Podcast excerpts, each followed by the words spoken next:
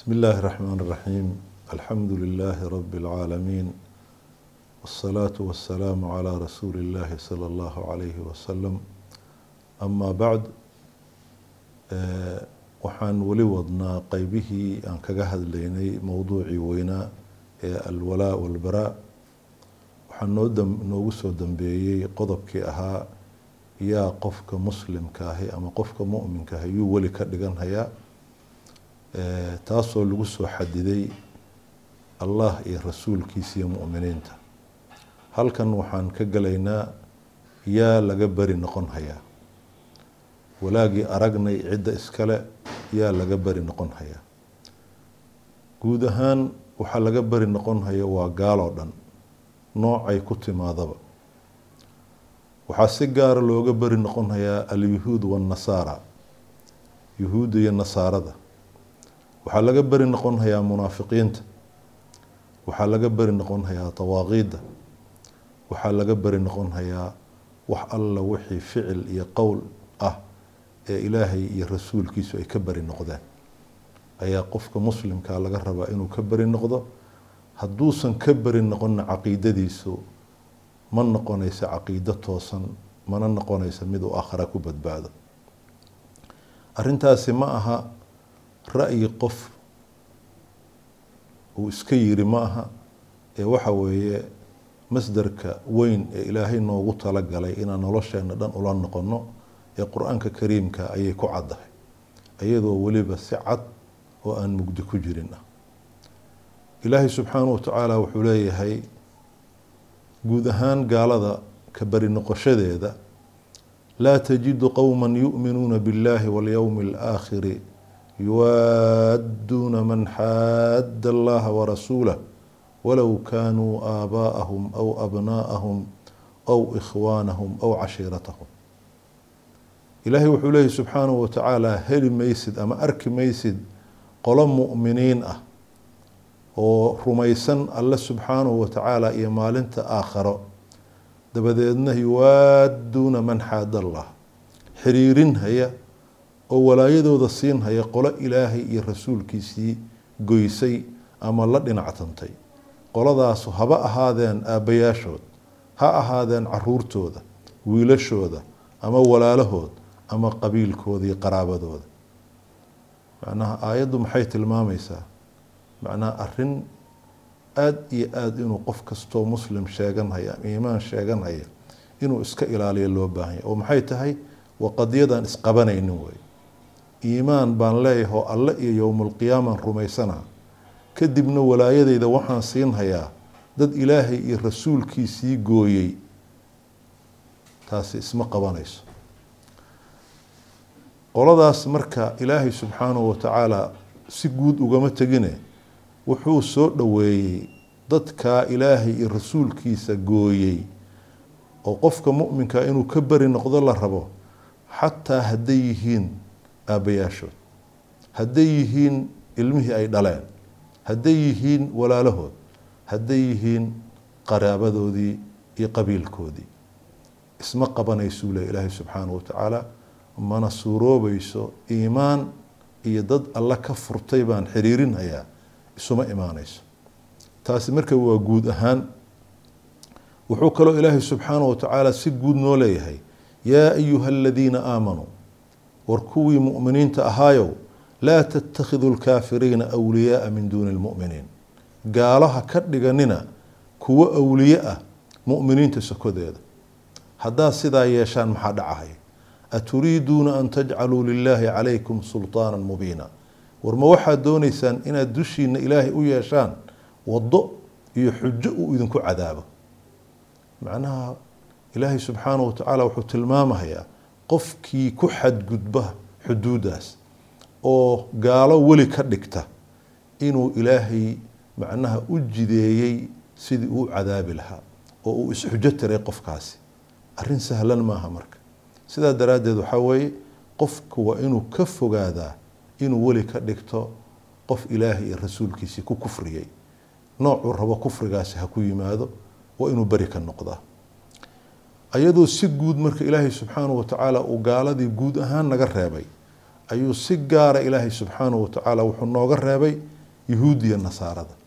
Waana ilaahay xigmadiisa iyo cilmigiisa ogaalka uu ogaa qoladaasi galaangalka ay muslimiinta ku yeelan doonaan iyo dhibka ay muslimiinta u geysan doonaan.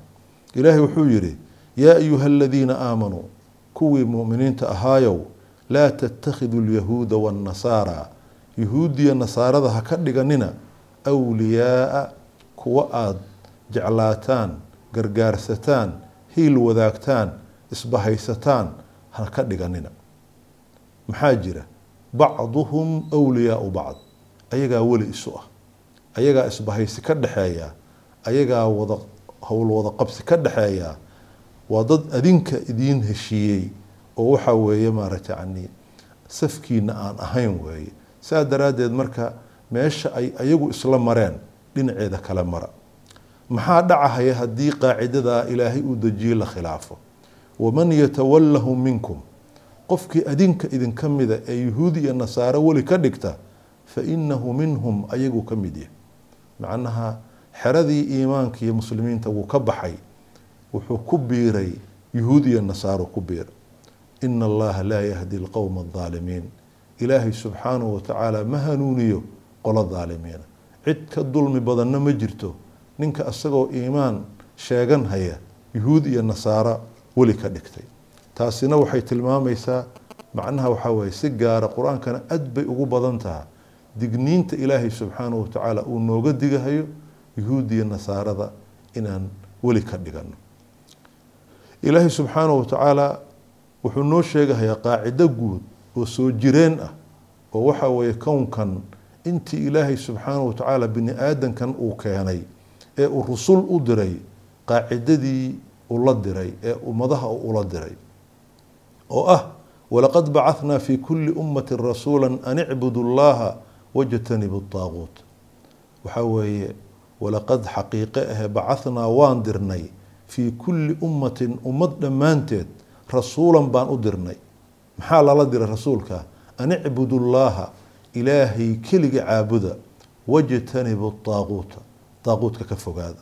Oo macnaheedu ay tahay ka beri noqda daaquudka daaquudkuna waxaa weeye waa wax alla waxa la caabudo ilaahay sokadii subxaanahu watacaala suuraday rabaan iyo noocay rabaan ha noqdeen. Ilaahay subxaanahu watacala wuxuu leeyahay ha laga beri noqdo oo ha laga fogaado. Waa wixii risaalaadka ambiyadii ilaahay uu diray oo dhan lala diray inay dadka uga digaan dadka ay faraan inay ilaahay keliga caabudaan ayna ka fogaadaan daaquudka ilaahay subxaanahu watacaala wuxuu kaluu leeyahay faman yakfur bidaaquuti wayu'min billaahi faqad istamsaka bilcurwati alwufqa qofkii ku kufriya daaquudka oo alla rumeeya xariggii adkaabuu qabsaday ee ilaahay ku xiriirinhayay subxaanahu wa tacaala labadan aayadoodii aayadaha la midiba waxay tilmaamahayaan inay qofka mu'minkaa waajib ku tahay inuu ku kufriyo oo uu ka beri noqdo daaquudka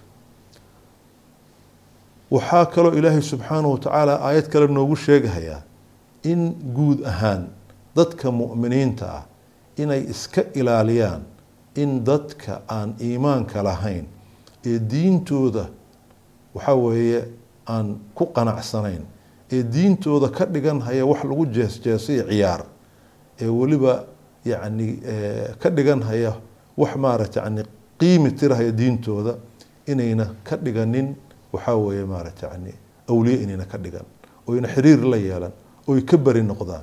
Ilahay wuxuu leeyahay yaa ayuha aladiina aamanuu laa tattakhiduu aladiina اtakhaduu diinakum huzuwa walaciba min aladiina uutuu lkitaaba min qablikum wاlkufaara wliyaa ilaahay subxaanahu watacaala xujo cad buu nooga tegay oo wuxuu leeyahay war mu'miniintiiow ha ka dhiganina kuwa diintiina ka dhigtay jeesjeeskiiyo ciyaarta ka dhigtay ee ah min aladiina uutuu lkitaaba kuwii kitaabka la siiyey min qablikum idinka hortiin waa yuhuudiya nasaara iyo walkufaara gaalada dhammaantood awliyaa ha ka dhiganina. Wattaquu llaaha alla ka baqa in kuntum muminiin. Haddaad muminiin tihiin. Aayadda maxay tilmaamaysaa macnaha waxaa qofka muminkaa waa inuu diintiisa yacni ay ciziga ay leedahay iyo qiimiga ay leedahay waa inay wax walba kala wen yihiin waa inay masaalixda kala wen yihiin waa inay wejigaradka kala wen yihiin. Oo haddaad aragto qof ilaahay diintiisi ku jeesjeesahaya qofkaa waa inaad ka beri noqotaa ayankaana wuxuu yahay. Laakiin ilaahay subxaanahu watacaala si gaara wuxuu farta ugu fiiqay qoladan yuhuudda iyo nasaarada iyo gaaladoo dhan in ay dabeecadoodu tahay inay diinta islaamka ka dhigtaan wax lagu jeesjeeso iyo ciyaar inay ka dhigtaan.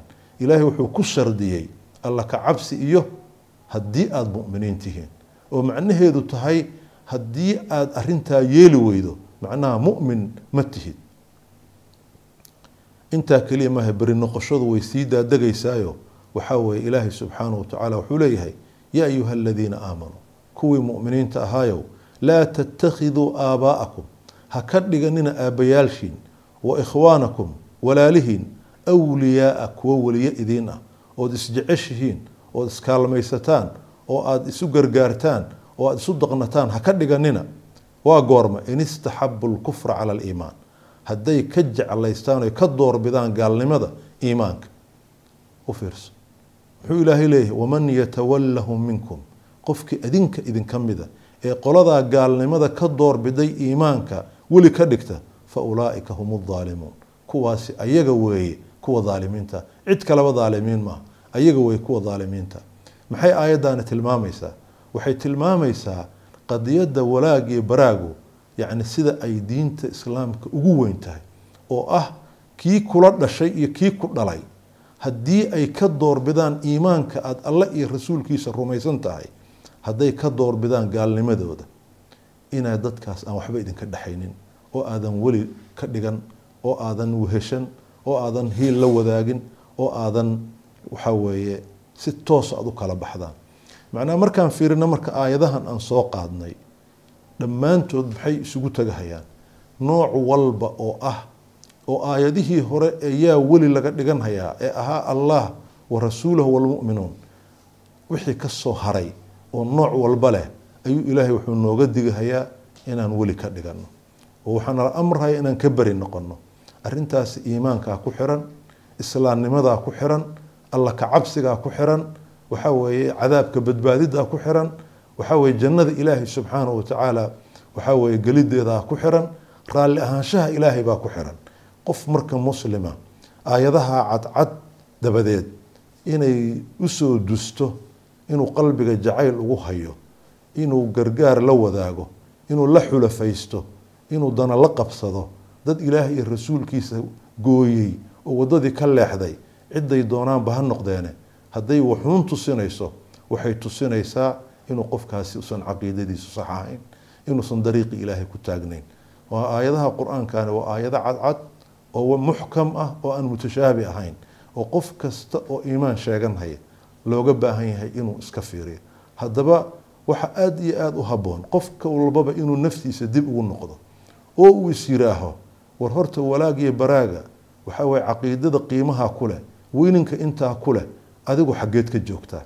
Yaa adiga weli ku ah yaad wax la wadaagtaa yaad hiil la wadaagtaa yaad hool la wadaagtaa yaad jeceshahay yaad u damqanaysaa yaad xulafaysanaysaa. Arrintaasi aad iyo aad bay muhiim u taha haddii kale waxaa laga yaabaa qofku isagoo aan wadadii ka beegray oo meel cidlaa jafahaya inuu haddana ismoodo inuu dariiqi ilaahay ku taagan yahay. Waana arrin khatar ah oo qofka waxaa weye u horseedi karta inuu ilaahay subxaanahu watacaala caradiisii iyo ciqaabkiisii labadaba u tago. Intaasaan ku soo gabagabaynaynaa mowduucan ah yaa laga beri noqonayaa wabilaahi towfiiq